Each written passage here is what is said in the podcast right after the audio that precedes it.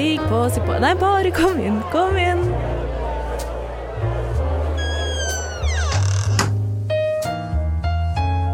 Her i lobbyen er det plass til alle sammen.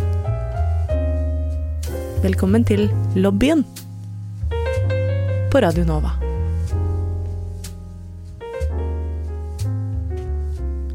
Velkommen Velkommen til lobbyen på Radio Nova.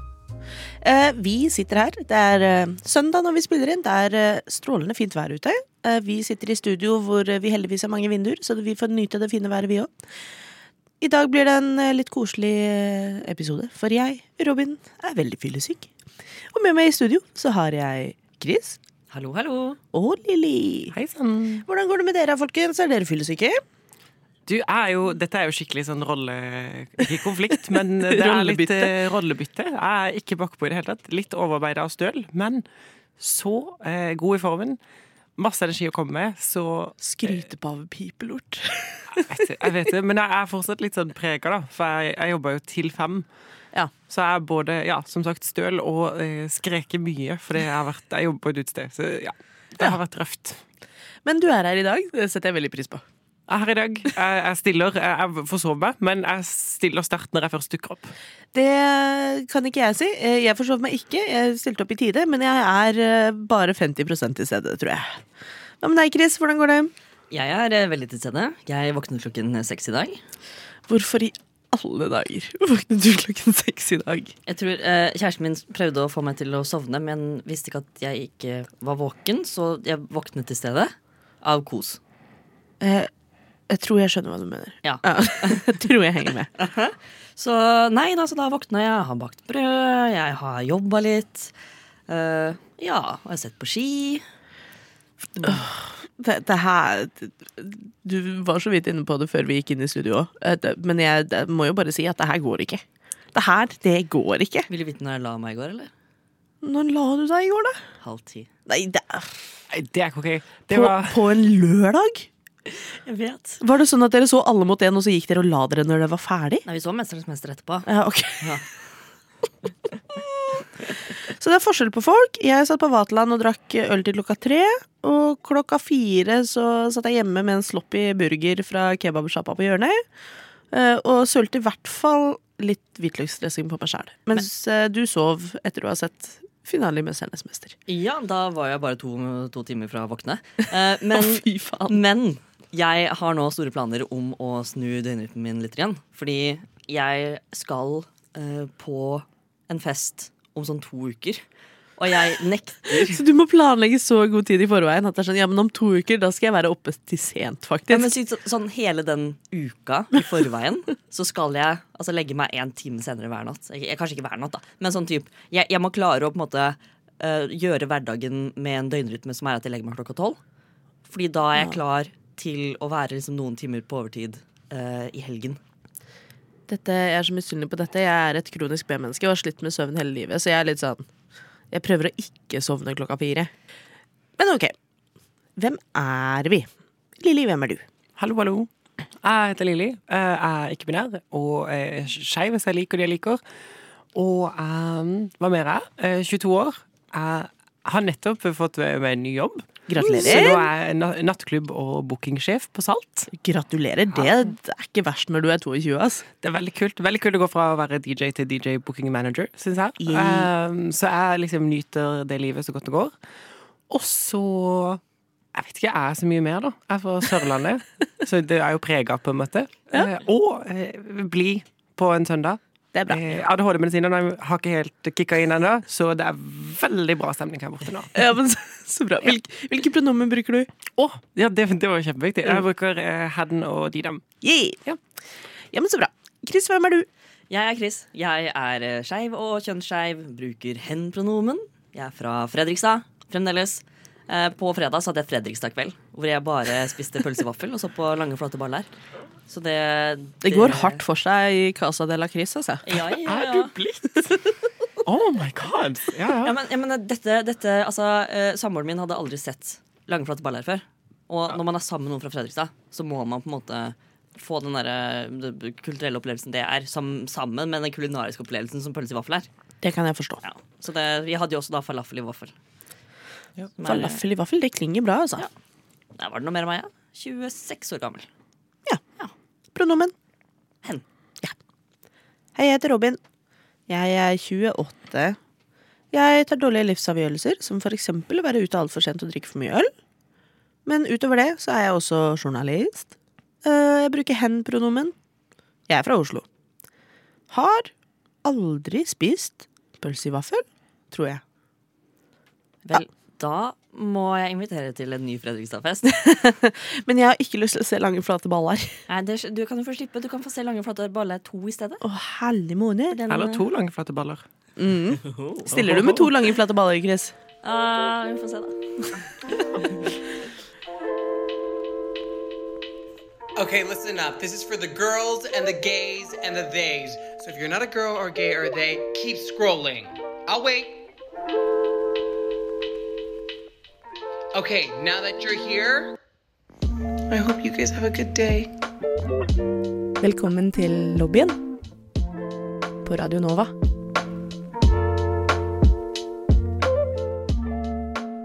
I dag, så som nevnt, så tar vi en litt eh, rolig, hyggelig sending. Men denne episoden kommer jo også ut mandag 7. mars. Eh, og det er ikke en kjempeviktig dato. Men man kan argumentere for at tirsdag 8. mars er en litt viktigere dato. Hva slags dag faller 8. mars hvert år? Lilly. Kvinnedagen. Ja, veldig bra. Jeg vil bare si jeg rakk opp hånda også. Jeg er veldig flink elev i dag. Jeg, ja, jeg, jeg er glad i Robin eh, sin lærerstemme. Men jeg fikk ingenting av det nå. Nå er det bare bakpå, Robin. Men det er kvinnedagen på tirsdag, og det er jo litt sånn Det er jo en dag som mange har har en innstilling til den. Og om det er en positiv eller negativ innstilling, det eh, er jo forskjellig fra person til person. Jeg opplever jo nesten alltid når det er snakk om kvinnedagen og 8. mars, at det er mange som er gira for å gå i tog og sånn, men også at det alltid er en eller annen kødd som er sånn 8. mars, det er bare det er tirsdag, ikke sant? Kvinnedagen? Nei, det, når er mannsdagen da, liksom? Eh, og da merker jeg at eh, det, jeg, det går aldri over. Det, de slutter aldri. Jeg skjønner ikke hvorfor de ikke slutter. Den spøken har aldri vært morsom, og den kommer aldri til å bli morsom. Og nå finnes jo mannsdagen uansett. Den er 19. november. Ja. Så Det er bare å gå i tog, da. Altså, slutt å mase. Men uh, jeg har uh, alltid markert kvinnedagen helt siden jeg var liten. Uh, jeg kommer fra et hjem hvor både mamma og, men kanskje særlig pappa, har vært opptatt av det. Eh, aller mest pappa, egentlig, som har vært opptatt av både 8. mars og 1. mai som sånne herre eh, likestillingsdager og rettighetsdager som man markerer. Så jeg er veldig vant til å gå i tog 8. mars. Eh, men uh, Lilly, du er jo fra eh, Jeg holdt på å si Stavanger. Det er jo Det, det, er- det går ikke. Dyp fornærmelse. Eh, men du er jo fra Kristiansand. Ja. Eh, er det noen markering av 8. mars i Kristiansand? Du, det er en ganske bra markering eh, der. Kanskje, Ja. kanskje det fordi det, det, eh, kjønnskampen er litt synligere, fordi det er litt mer konservativt. Ikke vet jeg. Um, jeg, synes det, jeg pleier alltid pleier å gå i tog og sånne ting, så jeg syns det er veldig fint. Jeg føler sånn, Kvinnedagen er litt sånn eh, tve, Ikke tvega, men eh, veldig sånn Det er litt sånn som pride, på en måte. At det er sånn eh, for kv- Kvinne og kvinner generelt. Woohoo! Eh, på en måte, det er fest. Det er woohoo. Og og så har du eh, eh, kvinneutfordringer og diskriminering og sånn, som er liksom uff, Eller uff, var en understatement. understatement.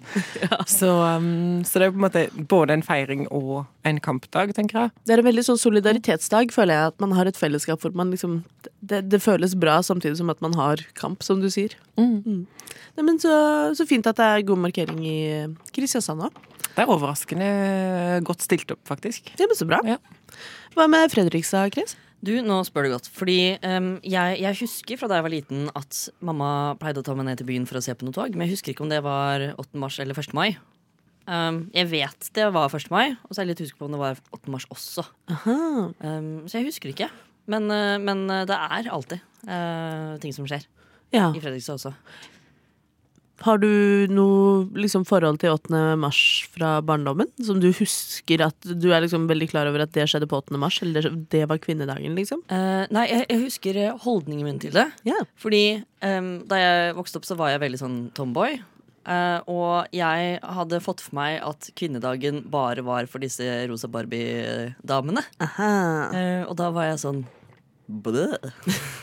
Kvinnedagen. Æsj. Ja, ja, men fordi det var ingen som noen gang hadde fortalt meg på en måte hva kvinnekamp var, og hvilke forskjell, forskjeller det var i samfunnet. Sånn. Så det var sånn jeg bare tenkte å ja, men ok, men dette er en dag for alle de som liker å gå i rosa, og jeg liker ikke å gå i rosa, så da er det ikke en dag som jeg har lyst til å feire. på en måte Aha. Ja, nei, men da, Nå er du inne på litt av det jeg har lyst til at vi skal snakke om i dag, som er liksom vårt forhold til det feminine. For jeg også har eh, hatt mye det samme forholdet til kvinnedagen som det du beskriver. At jeg husker godt fra særlig tenårene at jeg var litt sånn jeg opplevde eh, kvinnedagen som ja, litt sånn toegget, da, som du sa, Lilly. Um, at på den ene siden så er det viktig med likestillingskamp og det ene og det andre, men på den andre siden så syns jeg det var litt sånn Det var så mye snakk om kvinner hele tida. Jeg var sånn, folk sa gratulerer med dagen til meg, og, sånn, og det føltes alltid litt rart. Og så tok det meg jo noen år før jeg fant ut at det er, det er fordi jeg er ikke-binær. It makes sense now. Men det, jeg syns det var litt sånn Det var så kvinnelig, og det Jeg sleit ofte med å identifisere meg med det. Eh, og det tror jeg kanskje kan gå igjen hos cis-kvinner også, det, for så vidt. Hvis man liksom føler at man ikke er bra nok kvinne, eller kjemper nok kvinnenes kamp på 8. mars, så blir man litt sånn Dette er ikke min dag. Eh, men jeg tror det er viktig å huske på at eh, kvinnekamp er likestillingskamp. eh, og likestillingskamp er menneskekamp, og mennesker er mennesker. Så alle kan være med på kvinnedagen. Det var min tirade. Nå er du ferdig. Nå er jeg ferdig. Takk for oss. Nå kan vi, nå kan vi dra. Nå kan vi gå hjem. Radio Nova. Hva med deg, Lilly? For du har jo hatt en litt sånn reise i det feminine. Absolutt. Hvordan starta det hele det, egentlig? Oi, det er jo Det er et eh, kjempestort spørsmål. den, den historien eh, får bare flere og flere kapitler, så jeg føler på en måte jeg har blitt en sånn kjønnsencyklopedie om dagen. Eh, men Nei, altså, jeg på en måte ble jo tildelt hva skal man si kjønn ved fødsel som, som gutt, da. Og eh, vokste opp i det. Så for meg så ble jo på en måte når jeg kom ut som trans, da var jeg 16. Um, men det starta egentlig allerede Jeg kom ut som homofil da jeg var 13. da Ja. Så det starta ganske tidlig der, som bare det å få lov til å uttrykke min feminitet. Og jeg tror jeg forsto den Det å komme ut som homofil som mer som feminitet enn som seksualitet. da Ja. um, Så for meg så var det liksom første død, liksom åpningen til å, til å uttrykke meg mer sånn sett. Og så um, har jeg nok hatt en veldig sånn Jeg slåss veldig hardt for min feminitet og få lov til å eie min kvinnelighet på et vis. da Og um, var nok også veldig, veldig veldig mye feminin altså, for noen år siden. da Og um, det er jo på en måte noe med Man får liksom ikke lov til å være feminin Nei, det er det. utenom. Og jeg tror um, Jeg, jeg, er bare stolt. jeg syns det er veldig mye sånn kraft i femininitet. Um, samtidig som uh, Det som kanskje jeg kjenner mye på, som jeg har kjent på mye i det siste, er at eh, det, jeg mister veldig mye frihet når jeg er feminin. Å, hvordan da? Fordi at um, liksom Altså nå så har jeg et mer androgynt uttrykk som oftest. Og hvis jeg velger å kle meg mer feminint igjen nå, og uttrykke meg på en, på en mer kvinnelig måte, så opplever jeg liksom seksualiseringa og måten jeg blir oppfatta på, og i hvor stor grad jeg får lov til å si min mening, og sånne ting, at jeg opplever jeg mister ekstremt mye respekt og frihet i kraft av å være mer kvinnelig eller mer feminin.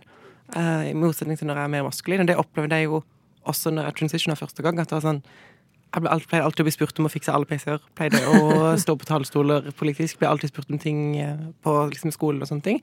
En gang jeg hadde et mer kvinnelig uttrykk. Alltid var sånt. Yes. Så, så det, er, det er liksom noe med at um, Jeg tror man kan forstå at det er en forskjell mellom kjønnene, men sånn som for min del så, så har jeg kjent så sinnssykt mye på den kontrasten. Og um, det er, liksom, det er litt trist, egentlig. For jeg kjenner jeg har egentlig lyst til å nok også være mer feminin til tider, men jeg bare syns at det er så utrolig dølt. Å miste liksom friheten og lekenheten til å bare være akkurat som man er, og liksom jeg vet ikke, drive med de interessene man har. Og bare gå ut og bare bli sikla etter, liksom. Det er litt slitsomt. Men det er veldig interessant det du sier. Jeg tror jeg personlig har følt på altså mye det samme, men også litt av det motsatte. Eh, og med det så mener jeg at eh, særlig på ungdomsskolen og videregående så eh, brukte jeg det feminine på en måte som en maske for å føle meg mektigere. Eh, sånn at jeg følte meg alltid bedre når jeg hadde på meg leppestift og høye hæler, liksom. Mm, og det Men jeg lurer på om det også for meg handlet nesten kanskje like mye om at da hadde jeg på meg en maske, så det kunne late litt som at jeg var noen andre. Men Nei, jeg det er liksom For det er det her fem fatal-aspektet ved det feminine også, som er liksom kjent som en sånn sterk femininitet. Men på den andre siden så har man jo akkurat det du snakker om, dette med at altså, uansett hvor glad man er i en fem fatal, så blir kvinner behandlet annerledes. Eh, Og det er ikke til å komme unna, og det er derfor vi blant annet har ting som Kvinnedagen, hvor vi fokuserer på likestillingskamp og dette med at liksom Kvinner får ikke stå like mye på talerstol, liksom. Eh, Så det er, det er interessant det du sier. Men du, Chris, du har følt på det motsatte. Eh, Ikke at jeg skal legge følelser i munnen på deg, men din opplevelse er jo det motsatte av Lille sin idé at du har gått fra å bli lest feminint til på et tidspunkt å bli lest veldig maskulint. Ja. eh, jeg hadde jo lyst til å unngå å assosieres med det feminine.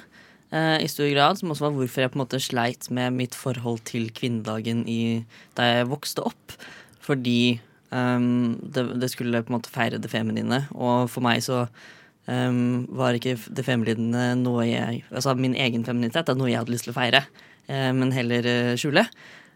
Så da, på grunn av liksom den mis, eh, misforståelsen, men bare det eh, Jeg hadde jo aldri blitt, blitt eh, fortalt hva, hva feminisme handlet om da jeg vokste opp.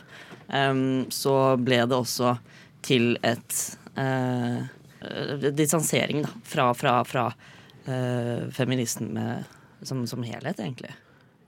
Hvordan er det nå, da? Nei, det har jo totalendret seg. Jeg har jo, eh, har jo vokst opp. Du har jo vokst opp. Nei, men jeg har eh, eh, eh, Enda mer korrekt. Jeg har eh, Jeg har lest meg opp. Ja. Og jeg har snakket med folk. eh, og jeg har satt meg inn i eh, feministisk teori, og jeg har bare lært mer om hva likestilling, eh, kvinnekamp og feminisme går ut på. Og det gjør at det å forholde seg til det feminine som et konsept, um, uavhengig av hvor mye man liker femini femininitet uh, for seg selv, da, Uh, som personlig, personlig femininitet, um, så Nei, det, jeg klarer fint å eh, mm, gjøre forskjell på. Ja. Se forskjell på eh, den eh, universale og individuelle femininiteten. Da. Og um, em, både Hva skal jeg si? eh, feire den eh, eh, universale femininiteten og feminismen. Men også i større grad, fordi jeg nå forstår feminisme bedre, også feire mer min egen femininitet og sette pris på de aspektene ved, ved meg, da. Det høres jo veldig fint ut. Det Jeg merker jo litt at jeg ofte på en måte måler folks barnslighet i hvordan de forholder seg til det feminine. Jo mindre feminin du tør å være, desto mer barnslig er du ofte. Eller, altså, sånn, særlig mannfolk som syns det er bare det å spise grønnsaker istedenfor biff er femi. Og nekter å spise et salatblad, liksom. Det er det mest barnslige jeg veit om i hele fuckings verden. Det er, det er så teit, liksom. Um, og det er jo mye av det vi ser igjen i hverdag og liksom det feminine i livet for øvrig. For en ting er kvinnedagen hvor det blir veldig belyst, og vi liksom er veldig bevisste på det feminine, men ellers i hverdagen nå så er det jo det vi kjenner igjen ofte, er at det feminine er alltid litt teitere. Alltid litt svakere. Alltid litt sånn Du skal alltid prøve å unngå det feminine, og jenter som liker eh, rosa og jenteting, det, de er dumme, liksom. Eller altså sånn eh, Og alt det jeg sier nå, er ikke mine meninger, men det er sånn jeg oppfatter at samfunnet for øvrig liksom Det er stereotypene som går igjen, da. Uh, at det feminine er svakt. Og det provoserer meg så mye. Uh, og det er det som fikk meg, da jeg var ungdom også, til å gjenoppdage kvinnedagen på mange måter, var at heller enn å se på liksom de faktiske kampsakene og sånn, som jeg følte ofte lå litt langt unna meg, selv om jeg bryr meg jo selvsagt om, om dem og syns jeg godt vil kjempe for dem, men det var liksom ikke, det var ikke noe jeg klarte helt å, å henge meg på. Så eh, begynte jeg heller å tenke på dette med det at det feminine alltid skal hakkes på. Alltid skal eh, rakkes ned på. Um, og det for meg ble liksom inngangen til å skjønne feminisme og også internalisere feminismen på en helt ny måte. Um, så ja. Jeg tror Beklager. Jeg tror, jeg tror også det er litt sånn med Hva skal jeg si at i, i hvordan man blir sosialisert også. Ja. Så det er liksom mye som ikke også handler om nødvendigvis barnslighet, men bare altså, i hvor stor grad du er blitt sosialisert og egentlig kanskje sånn indoktrinert med hvordan ting fungerer. Og jeg tror eh, Jeg merker jo en sånn sånn gøy ting kanskje sjøl. Altså, um, jeg, ble veldig sett veldig lenge som sånn eh, Jeg gikk jo rett inn i den der fem fatale Ja. som, som vi har snakka om, men også den der veldig sterke liksom, yrkes... Eh, Karrierekvinnen. Karrierekvinnen, og veldig sterk og veldig sånn Ingen skal måtte ingen, Jeg tror ikke på alle, på en måte. I'm a strong, independent woman. Ja, jeg, jeg, jeg kjørte den fullt ut, og jeg tror liksom at eh, Av og til så har jeg liksom fått høre sånn ah, at jeg, jeg har hørt flere ganger at jeg er feministisk ikon og sånne ting. Og liksom, Oh. at jeg virkelig tar min plass og alt mulig sånn. Og da tror jeg at det handler litt om, sånn, om sosialisering med tanke på skam og sånn, og ikke skam. Og jeg tror at altså, En ting er å komme seg over på en måte, det å være sånn, ikke være feminin, ikke være sånne ting du, som på en måte jeg er sett som gutt, da. Men når du er forbi den, så kan jeg merke at jeg er også i, i kraft av å ikke ha vokst opp så mye med å være sett som en, som en jente, på en måte, og spesielt i tenår og sånn også, gjør at det, det er mye liksom skam som jeg har sluppet. Og, da, Ja. og da tror en av grunnene til at jeg da blir sett som veldig sånn tar min plass og er sånn, det er fordi jeg går rundt med en hvit mann, selvfølgelig, på en måte. I at, men altså, I at jeg har liksom ikke fått høre så mye at jeg ikke kan og ikke skal, men heller at jeg skal bli verdens beste, skal bli statsminister, du skal få alt du vil, på en måte. Sånn. Så det er også litt spennende å se, også det med seksualitet også. Du er en kvinne uten jantelov. ja, ja, det er jo Eller jeg er på en måte bare et menneske uten jantelov. men det- det, er også sånn herre. Nei, nei, det går helt fint. Men også det med å liksom eh, Sånn som med seksualitet òg, at jeg har ikke fått høre så mye at den ikke skal du skal ikke være med for mange, og du skal ikke være sånn og sånn og sånn, og du skal skamme deg over det, du skal hysje som det. Jeg har jo bare fått uh, you go dog, på en måte, eller sånn, og så har jeg bare tatt med meg det. Så, så det er sånn der, fascinerende å se hvordan det er så ofte interessant når jeg møter dere også. Som begge, liksom, vi er alle en sånn eh, ikke-binær musketertriade. på en måte. Det er Helt nydelig. Men det også å merke forskjell for meg, da, som på en måte har en helt annen sosialisering å gå ut ifra. Hvordan liksom hvordan en blir prega veldig forskjellig. Og jeg tenker altså, det, Da er det så åpenbart at det er så mye av eh, å kalle det kjønnskampen, på en måte, som ikke alltid er de som er igjen sin feil. Men jeg syns det er vanskelig å vite hvor kommer det fra, liksom. Det blir en konspirasjonspod, men, sånn, men sånn, hvor, hvor det, er liksom som, det er så utrolig mange aspekter av kjønnsroller og hva vi blir lært, som blir sånn Hvor, hvor begynner på en måte vår, vårt individuelle ansvar og forståelse, og på en måte hva er det som er påført oss? Jeg vil eh, chippe inn litt ja. på denne eh, traden. Eh, bygge videre på både det du, Robin, og du, Lilly, har snakka om. Fordi eh, med, mens du, Robin, snakket om dette at uh, feminisme måtte bli sett på som det svakere kjønnet, Uh, og sånn, og mens du, Lilly, snakket om at uh, dette med indoktri indoktrinering, og hvordan de forskjellige um, holdningene til forskjellige ting kommer litt sånn gjennom morsmelka og sosialiseringa. Um, så vil jeg bare ta opp min forståelse av eh, maskulinitet og femininitet da jeg eh, ikke nødvendigvis vokste opp, men liksom da jeg begynte å bli litt eldre og begynte å på en måte å um, eh, sette eh, Eller legge mer merke til folk som brøt med kjønnsnormene. Fordi um, jeg eh, da jeg var si sent, sent tenåra, um, så på folk Altså folk som var tildelt kvinner med fødsel, eh, som bare klarte å holde seg innenfor det feminine. At de var svake. At de ikke klarte å komme seg ut av det. Men også at menn, eh, eller folk som var tildelt menn med mann ved fødsel, og bare forholdt seg til det maskuline, eh, også var svake. Oh, yeah, yeah. Fordi eh, heller ikke de klarte å bryte ut av kjønnsnormene sine. Så uavhengig om det var om du var kvinne eller mann eller feminin eller maskulin som utgangspunkt, hvis du kun klarte å forholde deg til den som du var tildelt og indoktrinert i, og ikke bryte ut av det, så så jeg på ja. deg som, som, um, uh, som mindre enn, på en måte. ja. Ja.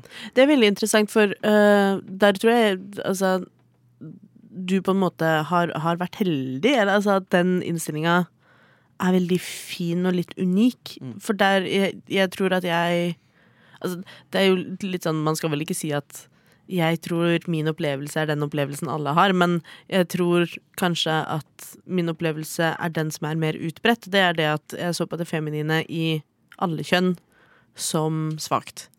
Eh, sånn at eh, jeg også er oppvokst med at liksom feminine menn er svake menn. Eh, feminine gutter eller folk tildelt mann ved fødsel, som tør å utforske det feminine. Det var litt sånn det, det, Jeg måtte vokse opp og lære veldig mye om kjønn da, før jeg skjønte at det er en styrke og ikke en svakhet. Da kan jeg egentlig kjenne meg veldig igjen i sånn, det du sier, Robin. For det, det er på en måte For min del så, så er grunnen kanskje til at jeg, jeg syns det var veldig vanskelig å anerkjenne meg selv som ikke-binær.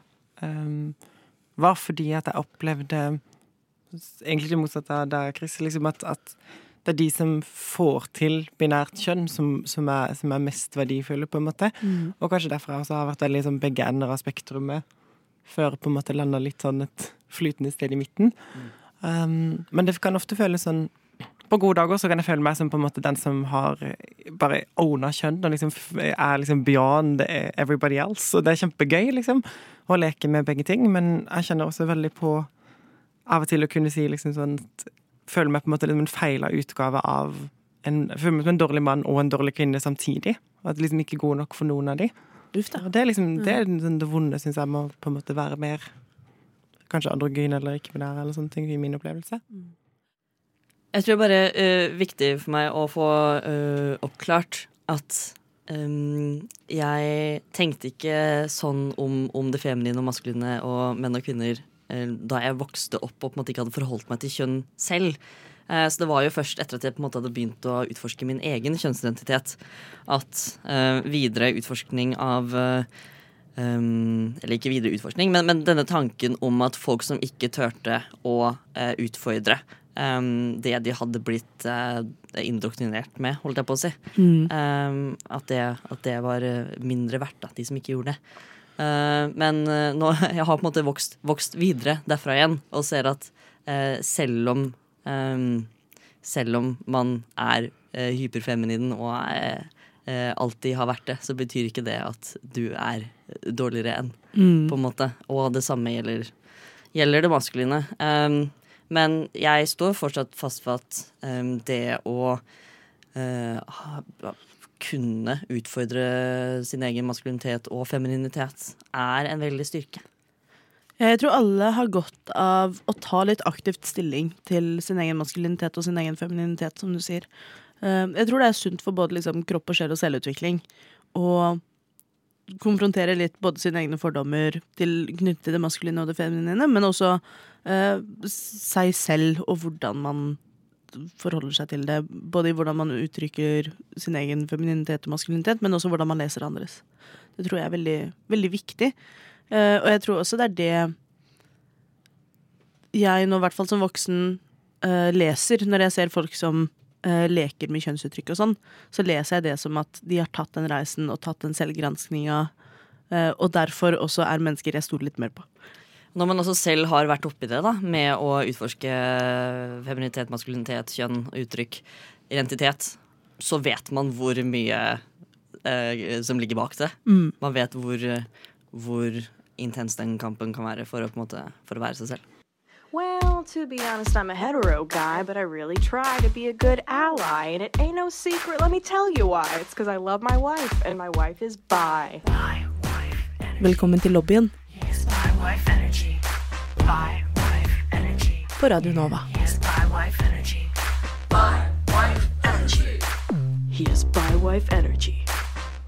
Så handler det jo om frihet, da. Ja. tenker jeg først og fremst. Altså, det er liksom noe med er jo faktisk eh, Altså, mine foreldre, for eksempel, syns jeg jo alltid at det er liksom fine i, i det med valg. Altså sånn de, Vi har egentlig ganske sånn litt sånn Ikke si 1950-talls, men en relativt sånn jeg sier tradisjonell eh, oppdeling. Mm. Men det som er så fint, er at det er ikke noe som hvis på en måte det sklir ut den ene eller andre- veien, som noen har noe imot.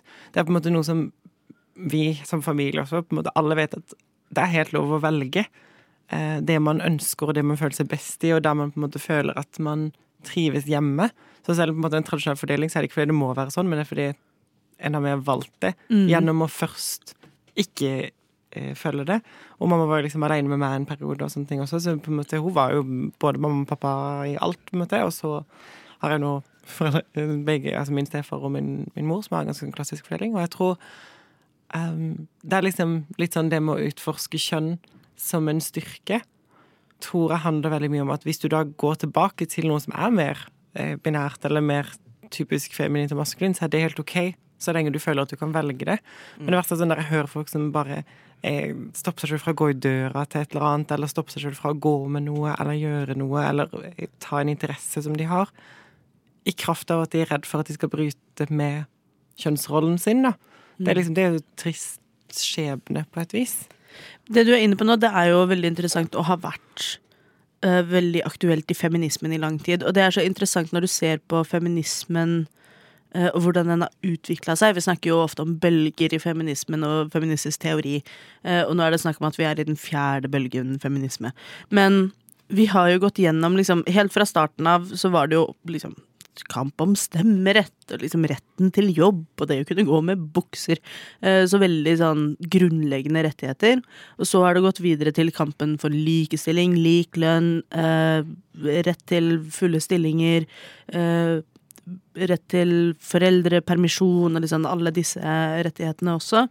Um, og da ble det veldig viktig å være kvinne, men også være sterk kvinne, og at det feminine er en styrke, og det skal liksom opp og fram. Så både andre og tredje bølge feminisme handlet jo veldig om den sterke kvinnen. Og da var jo det verste du kunne finne på, var jo for eksempel å gifte deg eh, og så være hjemmeboende eller hjemmeværende mor.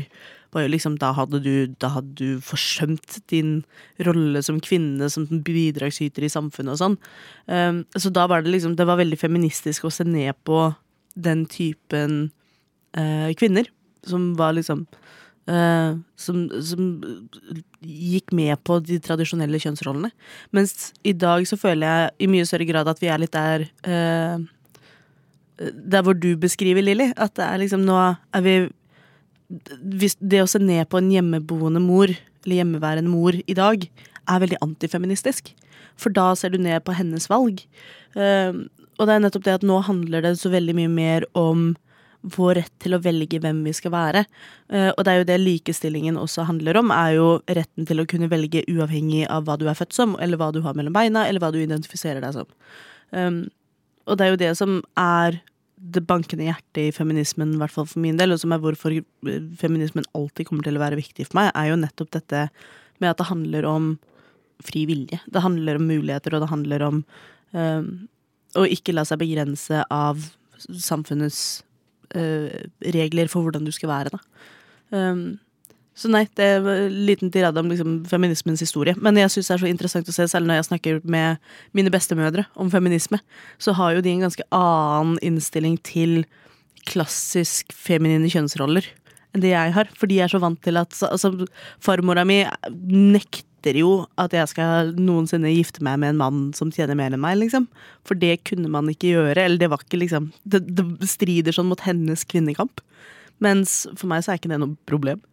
Eh, når du forklarer disse bølgene med feminisme nå, eh, så eh, føler jeg på en måte at den, den første feminismen som måte, jeg kjente meg igjen med, var den tredje bølgen, og at jeg nå er over på den fjerde. Eh, så det um, Jeg syns det er uh, interessant å høre på en måte um, hvordan jeg har tenkt på feminisme, og hvordan det faktisk bare eh, samsvarer med, med hvordan feminisme har utviklet seg. At det stemmer, liksom. Ja. Så det, det, det er jo liksom, eh, interessant å høre.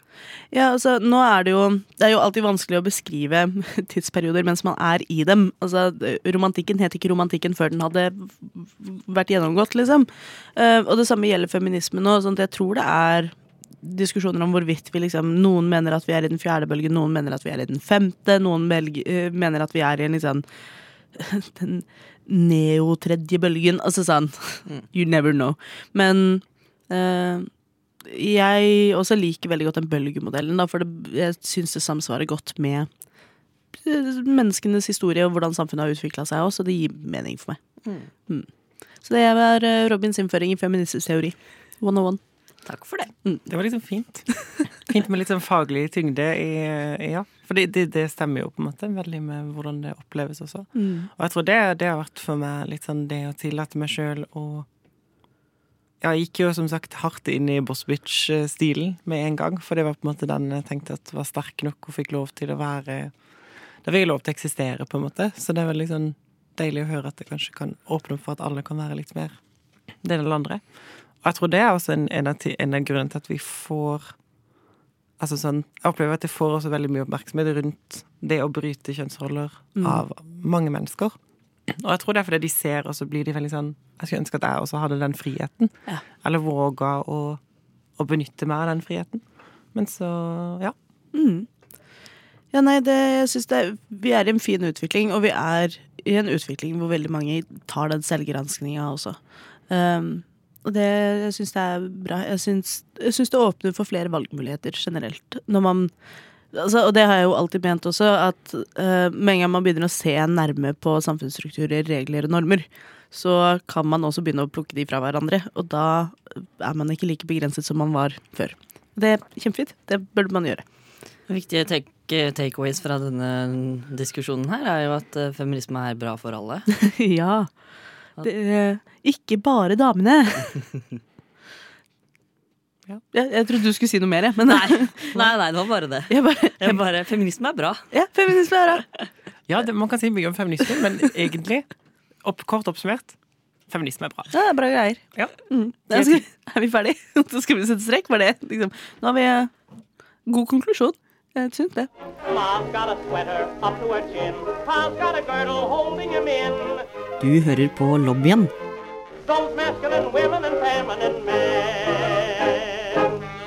På Radio Nova.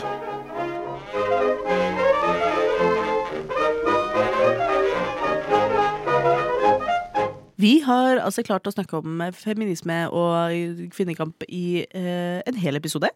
Og nå begynner den episoden å bli ferdig. Men eh, vi eh, slipper jo denne episoden dagen før 8. mars. Eh, og så er det ofte slik at det er mange arrangementer på 8. mars. Og selv om du ikke rekker arrangementene akkurat i morgen mens du hører på dette, så kan det godt hende at det er tilsvarende arrangement neste år. Så vi har noen tips til ting du kan finne på på 8. mars. Chris, du snakket noe om noen konserter. Ja, for det er jo mye som skjer på 8. mars. Eh, og én ting som skjer nå da i Oslo, eh, det er at uh, Sliteneliten, uh, blant annet, Elsker eh, Sliten skal ha konsert på Ingensteds. Der skal også eh, Onesorg være, og DJ, så det blir jo veldig spennende. To veldig gode band der, altså. Ja. Eh, det er en fem brutal eh, litt sånn mini-arrangement. Festi minifestival. Så det, det er eh, moro. Men da må man eh, skaffe seg billetter. Så hvis du hører dette mandag kveld, kjapp deg. Hepp, hepp, hepp, hepp. Mhm. Eh, Lilly, vet du om noe som skjer i nattklubbverden eh, 8. mars? Du skulle tro det. Um, men jeg har ikke så veldig mye anbefaling å komme med akkurat der. Jeg har en oppfordring å komme med Ja. istedenfor. Eh, eller altså, det er gå i tog. Ja. Ja. Gå i Ja. tog, for faen. Eh, men det som jeg også vil oppfordre eh, alle til, er eh, gjør en ting som du har hatt lyst til å gjøre, men som ikke du tør å gjøre av kjønn. Ah, ja, lurt! Så det er liksom bare en liten sånn privat ting. Så hvis du liksom er busy med jobb eller tusen ting som skjer på 8. mars, og ikke du har mulighet til å gjøre så mye, så gjør det. Push liksom grenser for ditt eget uttrykk, eller en ting du har hatt lyst til å prøve ut på 8. mars. Der vil jeg utfordre begge dere to, og meg selv inkludert, til å gjøre det på 8. mars, og så legge det ut på Instagrammen til lobbyen. Oi, oi, oi. Ja, det må vi jo gjøre. Ja. Challenge accepted. Aha. Apropos dette med å gå i tog, så um, vi har jo ikke snakket noe særlig om det, men du som hører på har kanskje uh, fått med deg at det har vært litt diskusjon rundt 8. mars i år. Um, det har blant annet vært um, problematikk knyttet til eh, parolemøte og ikke-binære stemmerett osv., uten at vi skal gå veldig i dybden på det. Men i kjølvannet av det så har mange hatt lyst til å markere uenighet med eh, arrangørene av 8. mars. Sånn at i år så går det et eh, tilleggs 8. mars-tog. eh, Med blant annet Pion, altså organisasjonen for eh, eh, sexarbeidere i Norge. Og med Poli Norge. Og eh, jeg tror også eh, Funksjonsforbundet Norge, er det det de heter? Jeg skal ta og dobbeltsjekke. Men eh, Er det så- ikke Norges Handikapforbund? Takk! Norges Handikapforbund er det. Eh, og flere som går før det andre toget. Så når appellene og sånt begynner på Jungstorget, så begynner eh, det andre toget å gå. Eh, det i tillegg til at de har da eh, etterfest på Oslo camping. Med appeller og, og lignende. Sånn at eh, hvis du har lyst til å delta på en litt sånn protesttog 8. mars, så kan du gå i toget før toget. Da skal jeg bare skli inn litt her på sida, Fordi nå tok jeg på en måte hintet til Robin her i stad. Eh, på utelivsarrangementer som skjer. Ja. Så da kaster jeg det inn i ryggen her. Det er eh, en slags sånn herlig feiring på Elsker. Med Drama Queen, eh, som er et klubbkonsept med en DJ Duo, og Free the Nipple. Så kom dit, for der er det veldig, veldig inklusiv og kul 8. mars-feiring. Og det blir kjempebra musikk. Så bare kom dere dit. Yes. Og hvis eh, ingenting av dette frister, eh, så sjekk Facebook, for det fins altså arrangementer av alle typer. Enten du vil bokbade eller på diskusjon, eller det fins sikkert liksom et turlag som, som 8. mars kvinnetur. Altså, det fins alltid noe. Eh, og apropos, så har det nettopp eh, kommet en bok som heter Kvinnenes by, en feministisk guide til Oslo. Eh, den eh, er sikkert også fin hvis du har lyst til å gå en feministisk tur 8. mars. Har vi noen siste ord? Feminisme er bra. Feminisme er bra. Eh, Ingen er fri før alle er fri. Den er fin! Elsker den. God marsj. Det er jo marsj. Jeg syns eh, dette, God vår. Ja, jeg bare, som sagt, jeg bare, hvis noen ikke har allerede benytta seg av at marsj, altså åttende eh, som i en marsj, og at mars, at det er så likt. Jeg syns aldri jeg har sett noen skrive åttende mars. 8. mars, ja. Det syns jeg er veldig rart at ikke det er på en måte veldig åpenbare ordspillet ikke har blitt brukt mer i Hvorfor eh, kampen generelt. ja. Hvorfor sier vi 8. mars-tog når vi bare kan si 8. mars? Ja, det, er, sant! det, det, det er ikke tog, det er en 8. mars. Jesus Christ. Altså, noen ja, Jeg ble med i feministisk bølge for seint. ja, ikke Ja, det hadde vært veldig mye bedre marketing hvis jeg var med tidligere. Noen må ta ansvar. Ja. Og med det så sier vi takk for i dag. Du har nettopp hørt en podkast av Lobbyen på Radio Nova. Er du interessert i å høre mer? Du finner oss på Lobbyen på Facebook eller på Instagram under lobbyen.nova. Der kan du også sende inn spørsmål eller temaer til fremtidige episoder. Vi slipper episoder hver mandag og er å finne på lufta på Radio Nova mandager klokken fem.